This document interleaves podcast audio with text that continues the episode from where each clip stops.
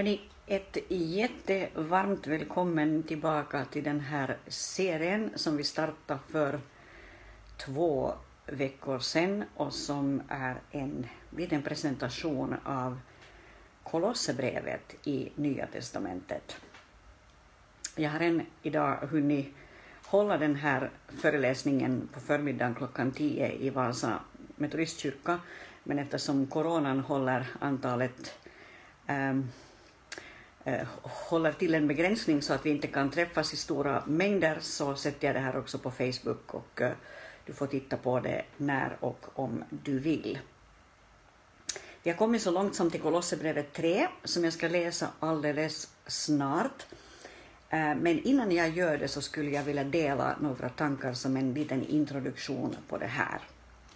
Ehm, Bibeln kallas ju för Guds ord och Guds tilltal till oss. Och eh, genom hela Bibeln så läser vi berättelser om hur människor får höra Gud tala till dem. Och som kristna 2021 så lever vi med den realiteten att vi dels kan förvänta att Gud talar till oss genom det skrivna ordet när vi läser Bibeln, så som vi ska läsa här alldeles strax.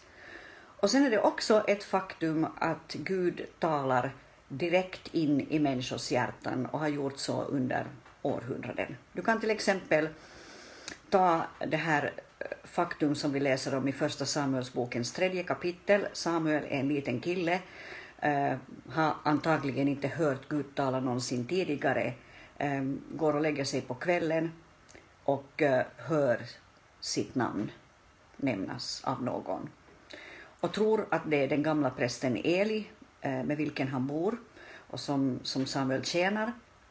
Så han springer till Eli och säger du ropar på mig och Eli säger att gå tillbaka till sängen jag har inte ropat på dig.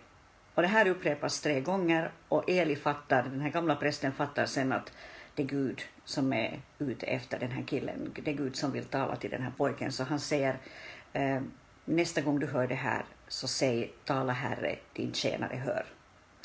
Och någon liten jag tänkte säga fåntratt, ursäkta ordvalet, men någon, någon jättelogisk varelse har sen ändrat om det här, tala Herre din tjänare hör till tala, nej.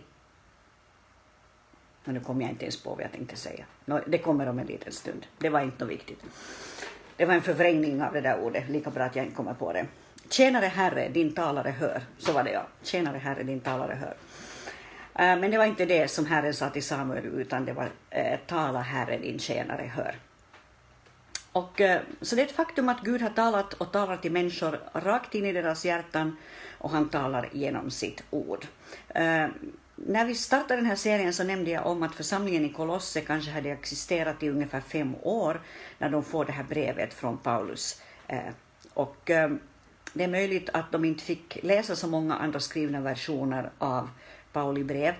Eh, eventuellt fick de något annat brev som kom eh, på genomresa så att säga, men, men det var ett väldigt eh, begränsat, eh, det var en begränsad tillgång till Guds ord i skriven form förstås. Så Bibeln skrevs, eller Nya Testamentet skrevs mellan åren 50 efter Kristus och ett stycke in på ett, år 100 efter Kristus.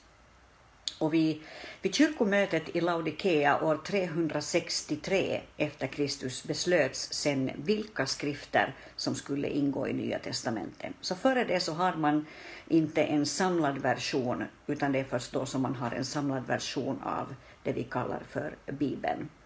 På svenska så utkom eh, det första Nya testamentet år 1526 och hela Bibeln utkom på svenska år 1541. Gustav Vasas bibel. Så det betyder att, att kristna har levt genom århundraden utan tillgång till det skrivna ordet. Ehm, om jag då får hoppa lite framåt i tiden, Bruce Olson, en amerikan som vid 19 års ålder fick på hjärtat, eller fick en kallelse som han uppfattade, att bosätta sig hos eh, en grupp indianer i Colombia i Sydamerika och blev nästan dödad innan de tog emot honom och accepterade honom. Eh, han, han bodde sen hos dem, eh, ledde flera av dem till personlig tro på Jesus Kristus, presenterade evangeliet för dem utan att ha tillgång till någon bibel som han kunde ge dem eftersom det inte fanns någon skriven ehm, eller det fanns ingen översättning av Bibeln på, på deras språk. Så han delar evangeliet, han delar budskapet om Jesus Kristus, han delar tilltal från Gud till dem utan det skrivna ordet. Han översätter sen Bibeln till deras språk, och, eh, vilket sen då ledde till att de fick en alldeles egen bibel. Men med det här så vill jag säga att, att Gud talar till oss genom det skrivna ordet och Gud talar till oss rakt in i våra hjärtan eftersom vi är kallade att få leva i en egen personlig fungerande relation med honom. Och där är det förstås så, eller principen är förstås alltid den att, att när det gäller sånt vi hör eller uppfattar i våra hjärtan så allt det behöver ligga i linje med det skrivna ordet. Vi kan inte liksom ta vilken tanke som faller i huvudet som helst och säga att Gud talar till mig. Eller visst finns det människor som har försökt sig på det, men, men Gud talar i linje med det skrivna ordet. Så det får, inte, det får liksom inte förekomma någon, någon sån här konfrontation däremellan. Eh, så när vi läser Kolosserbrevet, um, när vi läser Kolossabrevet 3 eh, eh, så ska vi läsa det med den här längtan att verkligen få höra Guds tilltal genom det här vi läser. Och nu läser jag faktiskt hela kapitel 3, som i min översättning har överskriften Den gamla och den nya människan. Och det är ju ingen överskrift som Paulus har lagt dit, utan det är en överskrift som har kommit senare. Likaså är kapitelindelningen någonting som har kommit senare, ingenting som Paulus uh, Eh, ursprungligen satte dit. Då ni alltså har uppstått med Kristus, sök då, sök då det som är där ovan, där Kristus sitter på Guds högra sida. Tänk på det som är där ovan, inte på det som är på jorden. Ty ni har dött och ert liv är dolt med Kristus i Gud. När Kristus träder fram, han som är vårt liv, då ska också ni träda fram i härlighet tillsammans med honom. Döda därför era begär som hör jorden till, otukt, orenhet, lusta, lidelse och girigheten som är avgudadyrkan. Allt sådant nedkallar Guds vrede över olydnadens barn. Bland dem vandrade också ni en gång då ni levde i dessa synder. Men nu ska ni också lägga bort allt detta, vrede, häftighet, ondska. Eh, låt inte smedelser och fräckheter komma över era läppar. Ljug inte på varandra, ni har ju klätt av er den gamla människan med hennes gärningar och klätt er i den nya människan, som förnyas till rätt kunskap och blir en avbild av sin skapare.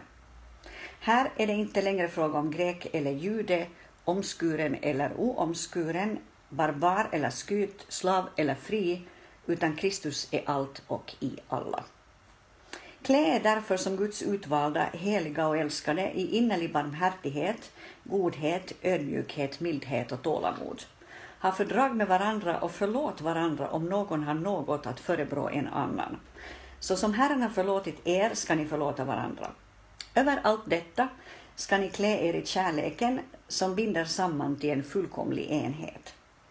Låt Kristi frid regera i era hjärtan, den frid som ni blev kallade till i en enda kropp. Och var tacksamma.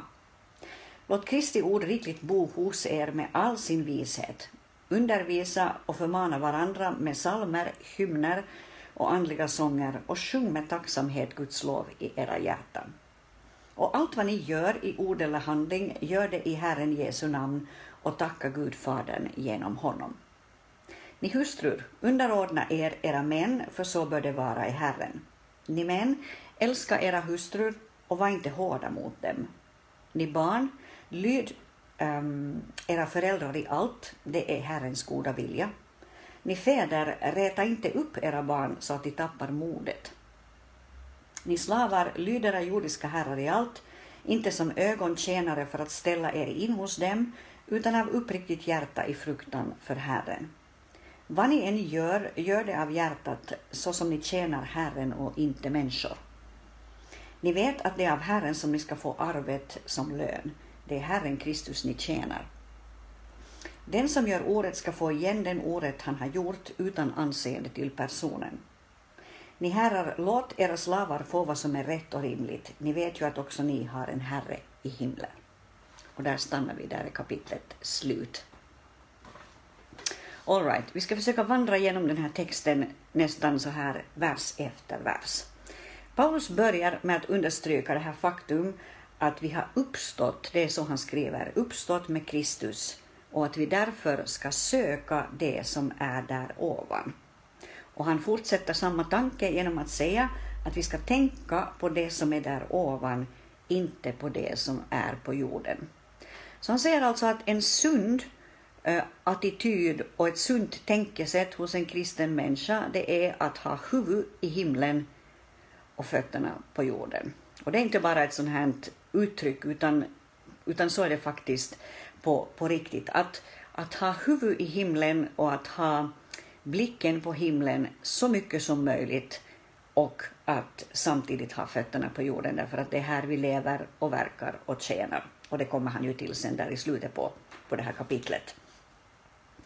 Eh, och jag tror att det är jätteviktigt för varje kristen att, att regelbundet verkligen träna sig i det där att vara himmelsfokuserad och inte att vara så jordsfokuserad. Vi, vi lever i en tid eh, då människor och i ett land där vi har det väldigt bra på många olika sätt, även om jag är medveten om att det finns människor som kämpar ekonomiskt och speciellt i de här tiderna när så många företag faller omkull på grund av coronan.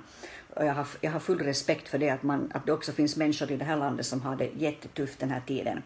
Men om vi jämför med många andra delar av världen så, så har vi det förhållandevis bra och det är väldigt lätt att bli väldigt fokuserad på det här livet. På att bygga hus, köpa segelbåt, fixa sitt liv så att det blir ännu bättre. Eh, jag har suttit och jag, jag är jätteintresserad av mat och recept och så här och, och det bara slog mig häromdagen när jag satt och tittade på nätet på, på några sidor där det var en massa recept att vi liksom, vi, det, det, finns liksom ingen hejd på det här hur långt vi kan gå i att försöka skapa alla möjliga häftiga versioner som vi ska äta och testa och sådär. Och det är inte fel i sig, men, men fokus blir lätt bara det här livet. Och här, i den här texten som vi läser, så där sätter Paulus fokus på det som vi har ovanför. Han säger att tänk regelbundet på himlen. Gör dig van med den tanken att det här är inte allt. Och bara den här julhelgen så har jag besökt en människa som under, under början av det nya året har fått flytta hem till Herren. Och eh, det var väldigt hälsosamt för mig själv bara att få vara i den där miljön där livet liksom har på något sätt stannat. Där, där det inte finns mycket krafter kvar, där det inte finns mycket framtid, så här mänskligt sett åtminstone kvar, och där det finns en, en himmelsfokusering och där det finns en längtan efter att bara få komma hem. Det var, det var jättestarkt. Och därför säger Paulus att, att tänk på det som är där ovan. Tänk varje dag, det är mitt tillägg där med varje dag, men, men tänk på det som är där ovan. Gör dig van med den tanken så att du inte blir så fruktansvärt nervös den dag läkaren säger att nu ser det nog ut som att det inte är så jättelång tid kvar för dig. Vi behöver bli vana med tanken på himlen därför att där är vårt hem och där är vår framtid. Paulus säger i vers 3 här att ni har dött och ert liv är dolt med Kristus i Gud. Så det där gamla livet som lätt blir det där fokuset för oss, det är dött, säger han, och ert liv är dolt med Kristus i Gud. Eh, så hoppar vi till vers 5. Han säger så här, eller förlåt, vi ska ta vers 4 också. Det står så här, i den engelska versionen så står det så här i vers 4. Eh, på svenska står det han som är vårt liv. På engelska står det Christ is your life. Alltså när Kristus träder fram, han som är vårt liv, då ska ni också träda fram med honom med härlighet, står det. Och eh, han understryker alltså att Jesus Kristus är vårt liv, vårt livs innehåll, vårt livs fokusering. Eh, på ett lite annat, I ett annat brev så skriver Paulus så här, det är Filipperbrevet 1 och 21, han säger att för mig är livet Kristus och döden en vinning. Där är hans livsfokusering. Inte det här livet, inte de här omständigheterna, inte på att avancera här, utan livet är Kristus, döden en vinning. All right. Så fortsätter han i vers 5 med att, att vara ganska radikal när det gäller allt sånt som är destruktivt i vårt liv. Han säger att döda era begär som hör jorden till, otukt, orenhet, lidelse, lusta och girigheten som är avgudadyrkan. Därför att allt det nedkallar Guds vrede, säger han, och därför så ska vi göra vad vi kan för att, eh, att få bort det där ur vårt liv. Så fokus ska vara på himlen, eh, fokus ska vara på det att jag har lagt bort den gamla människan, jag har klivit ur mitt gamla liv. Och därför vill jag plocka bort ur mitt liv allt sånt som, eh, som helt enkelt drar ner mitt liv, allt som är destruktivt och allt som bryter ner Guds verk i mig. Lite senare så kommer han till det här uttrycket och det, det upprepar han flera gånger och det tycker jag är jätteintressant. Han säger så här att, att klä er som Guds utvalda eh, i innerlig barmhärtighet, i godhet, i ödmjukhet, i mildhet, i tålamod. Det här uttrycket klä er är någonting som upprepas här i Kolosserbrevet 3. Och det gör ju att den här tanken blir jättekonkret och lättförståelig. Att det vi ska göra varje dag det är att vi inte bara hoppar i duschen, lägger av oss eh, dels den smuts som finns på vår kropp, men framförallt lägger av oss allt det som hör till vårt gamla liv, utan vi ska också klä, klä oss i barmhärtighet, i godhet, i ödmjukhet, i mildhet, i tålamod. Klä oss i alla de egenskaper vi möter när vi tittar in i Jesu ansikte. När vi möter honom på morgonen och han får tala till oss att vi klär oss i den barmhärtigheten, att vi klär oss i den godheten. För det här är egenskaper som inte finns hos oss så här naturligt. Det är inte så att människor föds barmhärtiga och föds goda och föds ödmjuka och föds milda och föds med stort tålamod. Tvärtom så kan vi ha en precis tvärtom bakgrund. Eh, och därför är det så viktigt att vi får möta Jesu ansikte varje morgon och att vi får eh, beröras av det som eh, vi ser hos honom. Att hans kärlek får beröra oss, hans barmhärtighet får beröra oss, hans godhet får beröra oss, hans ödmjukhet får beröra oss så att det präglar vår, vårt sätt att fungera tillsammans med människor. Och det här är alltså någonting som vi ska göra varje dag, säger han. Så säger han, ha fördrag med varandra och Förlåt varandra om någon har något att förebrå en annan. Så som Herren har förlåtit er ska ni förlåta varandra. Och Det är liksom en fortsättning på samma tanke, det vill säga att, eh, att vi varje dag ska välja att på samma sätt som Gud har förlåtit oss, vilket han nu gör precis varenda dag, så på samma sätt väljer vi dagligen att när någon säger någonting som inte känns bra i våra egna hjärtan eller när någon gör någonting gentemot oss som gör ont, att vi väljer att förlåta. Och Petrus ställde ju Jesus den här frågan att hur många gånger ska jag då förlåta min bror? Att det är sju gånger tillräckligt. Och Jesus svarade att inte sju gånger utan 70 gånger sju gånger. Och med det så, så är han ju inte ute efter det här heliga talet 490, det är det ju inte. Jag menar, det finns inte, inget sånt heligt tal. Utan han är ute efter detta att, att förlåta behöver man göra utan räkning. Det finns ingen gräns. Därför att jag själv behöver bli förlåten utan gräns och eh, mina medmänniskor behöver bli förlåtna av mig och där finns det heller ingen gräns. Um, så säger han vidare så här. Låt frid regera i era hjärtan. Jag är nu i vers 15. Vi blev kallade till i en enda kropp och var tacksamma. Alltså låt Kristi frid regera i hjärtat. Eh, med andra ord, han säger inte att, att det ska på något sätt finnas av oss själva eller att vi fixar det på något sätt på egen hand, att det finns en frid i vårt liv. Tvärtom så tror jag ju att de flesta av oss som människor är medvetna om det att det oftast saknas ganska mycket frid. Vi blir lätt nervösa.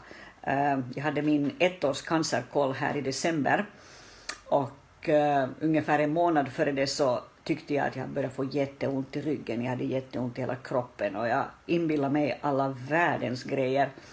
Och eh, jag försökte mentalt preppa mig själv till att ja, läkaren säger säkert att lilla vän, det är nog bara två månader kvar. Eh, och eh, jag jagade upp mig riktigt ordentligt och sen, sen hade jag min koll i december och sen var allting bra och alla undersökningar visade att situationen var helt okej. Okay. Uh, och sen gick det kanske tre, fyra dagar och sen var ryggverken borta. Det vill säga jag producerade hela den här, hur ska jag säga, jag, jag producerade uh, den här verken i min tanke. Eh, och när, när det släppte på insidan och jag blev lugn på insidan så försvann alltihopa. Eh, och det, eh, det här kom jag att tänka på när jag, när jag läste det här ordet här, låt Kristi frid regera i era hjärtan att det är nog en liten sån här disciplin som man behöver utöva i sitt eget liv. Det finns så mycket av oro som vill stjäla vår uppmärksamhet och, och verkligen vill göra oss på något sätt så här, skapa paniksituationer för oss.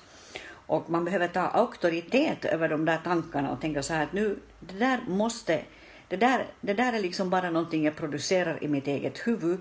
Eh, jag, jag behöver istället bara sätta mig ner och be gode Gud, fyll mig nu med den frid som övergår allt förstånd.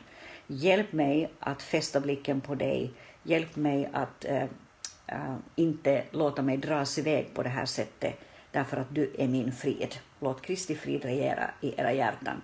Och det står i uh, Jesaja 23, nej förlåt, Jesaja 26 och 3 det eh, finns ett sådant sammanhang som passar väldigt bra ihop med det här. Jag ska ta det här snabbt emellan.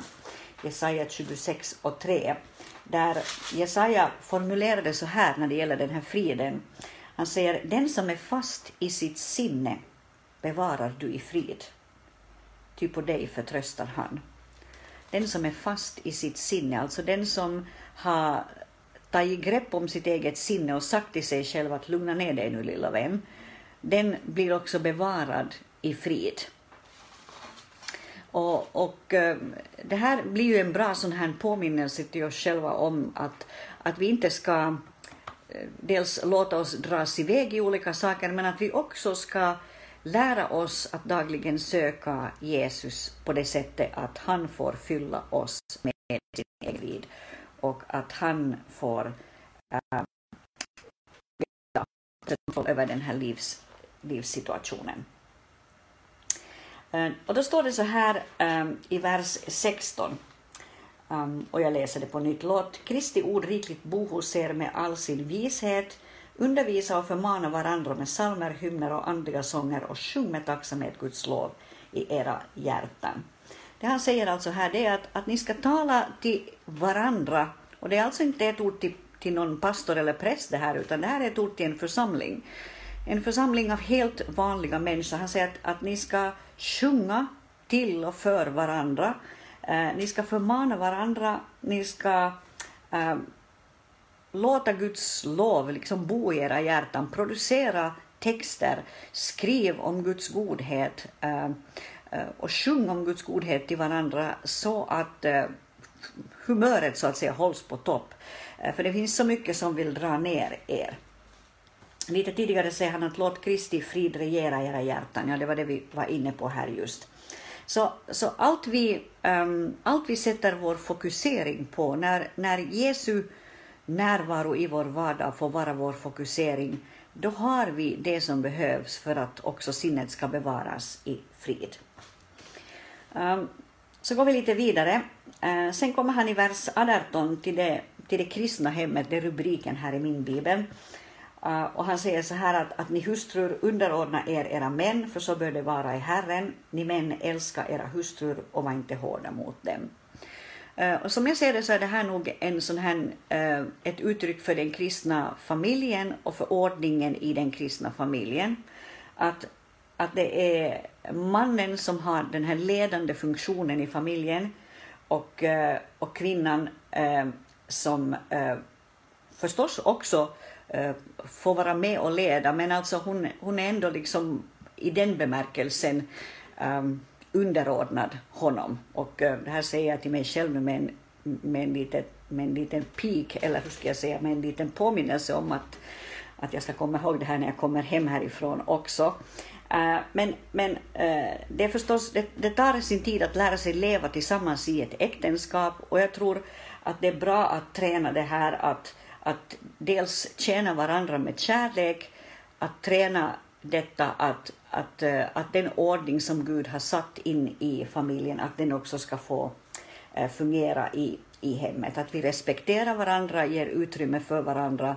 Att vi som kvinnor uppmuntrar våra män att ta det där ledarskapet och samtidigt att männen också lyssnar på det som kanske kommer eh, via kvinnan eh, vad gäller goda råd och tankar eh, vad gäller framtiden och, och, eh, och beslut och så vidare. Um, och så står det så här att um, vad vi än gör, i vers 23, vad vi än gör ska vi göra av hjärtat så som vi tjänar Herren och inte människor. Här kommer han in på slaveriet och han kommer in egentligen på vår, våra arbeten. Och det är lätt att man skapar sig en sån här tankegång att, att de som jobbar i kyrkan, de tjänar Gud och när jag till exempel sjunger i kyrkokören eller i något annat, då tjänar jag Gud. Men i övrigt i mitt vanliga jobb som barnträdgårdslärare eller som städerska eller som långtradarchaufför så är det nu bara ett vanligt mänskligt jobb. Men den tanke som Paulus försöker få fram här det är att, att vad än ni gör så tjänar ni Herren. Eh, kör du din långtradare så, så gör det på det sättet att du vill ära Gud genom det du gör. Att du vill uh, ge utrymme för Gud i det du gör. Uh, och uh, fungerar du som lärare så gör det som en tjänst för Gud.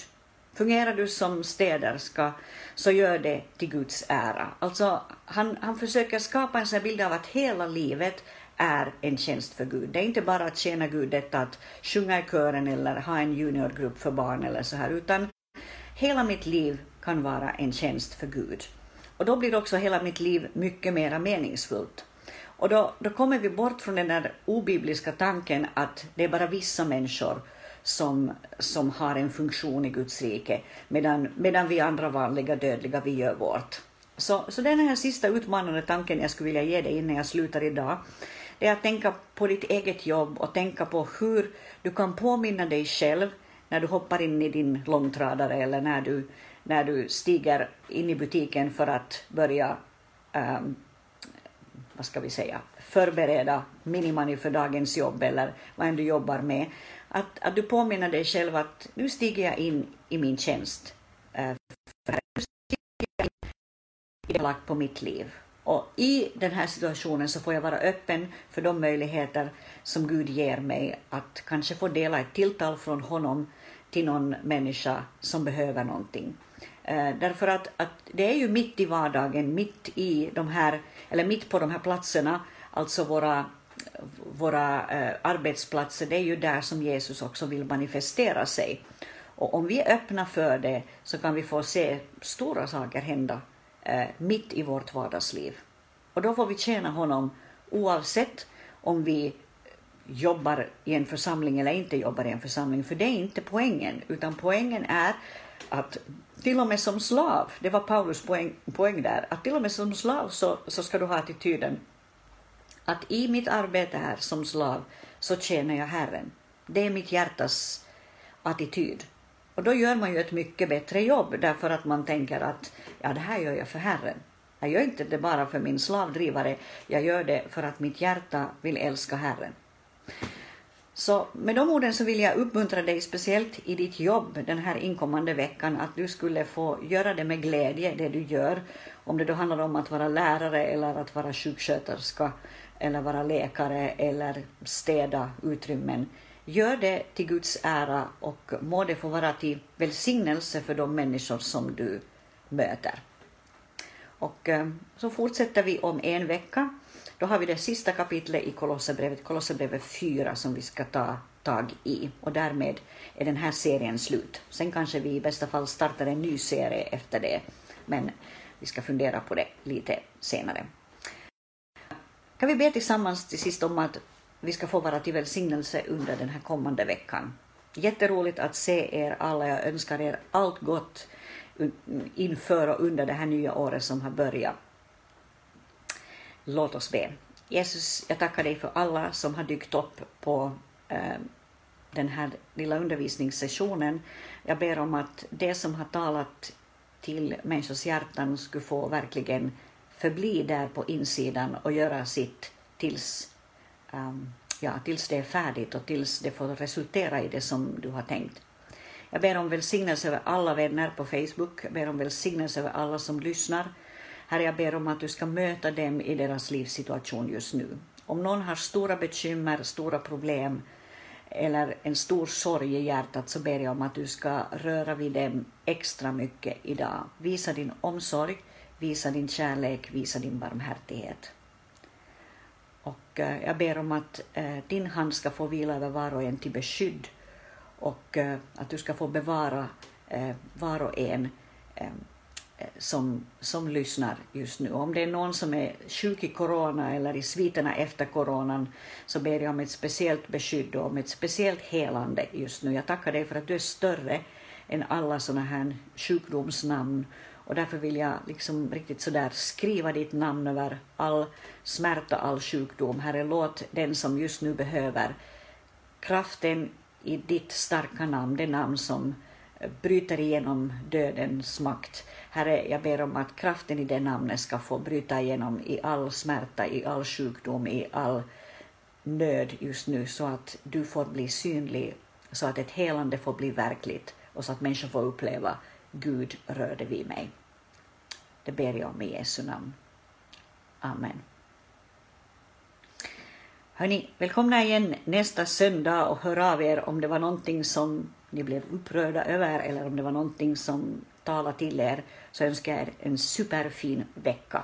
Ha det bra.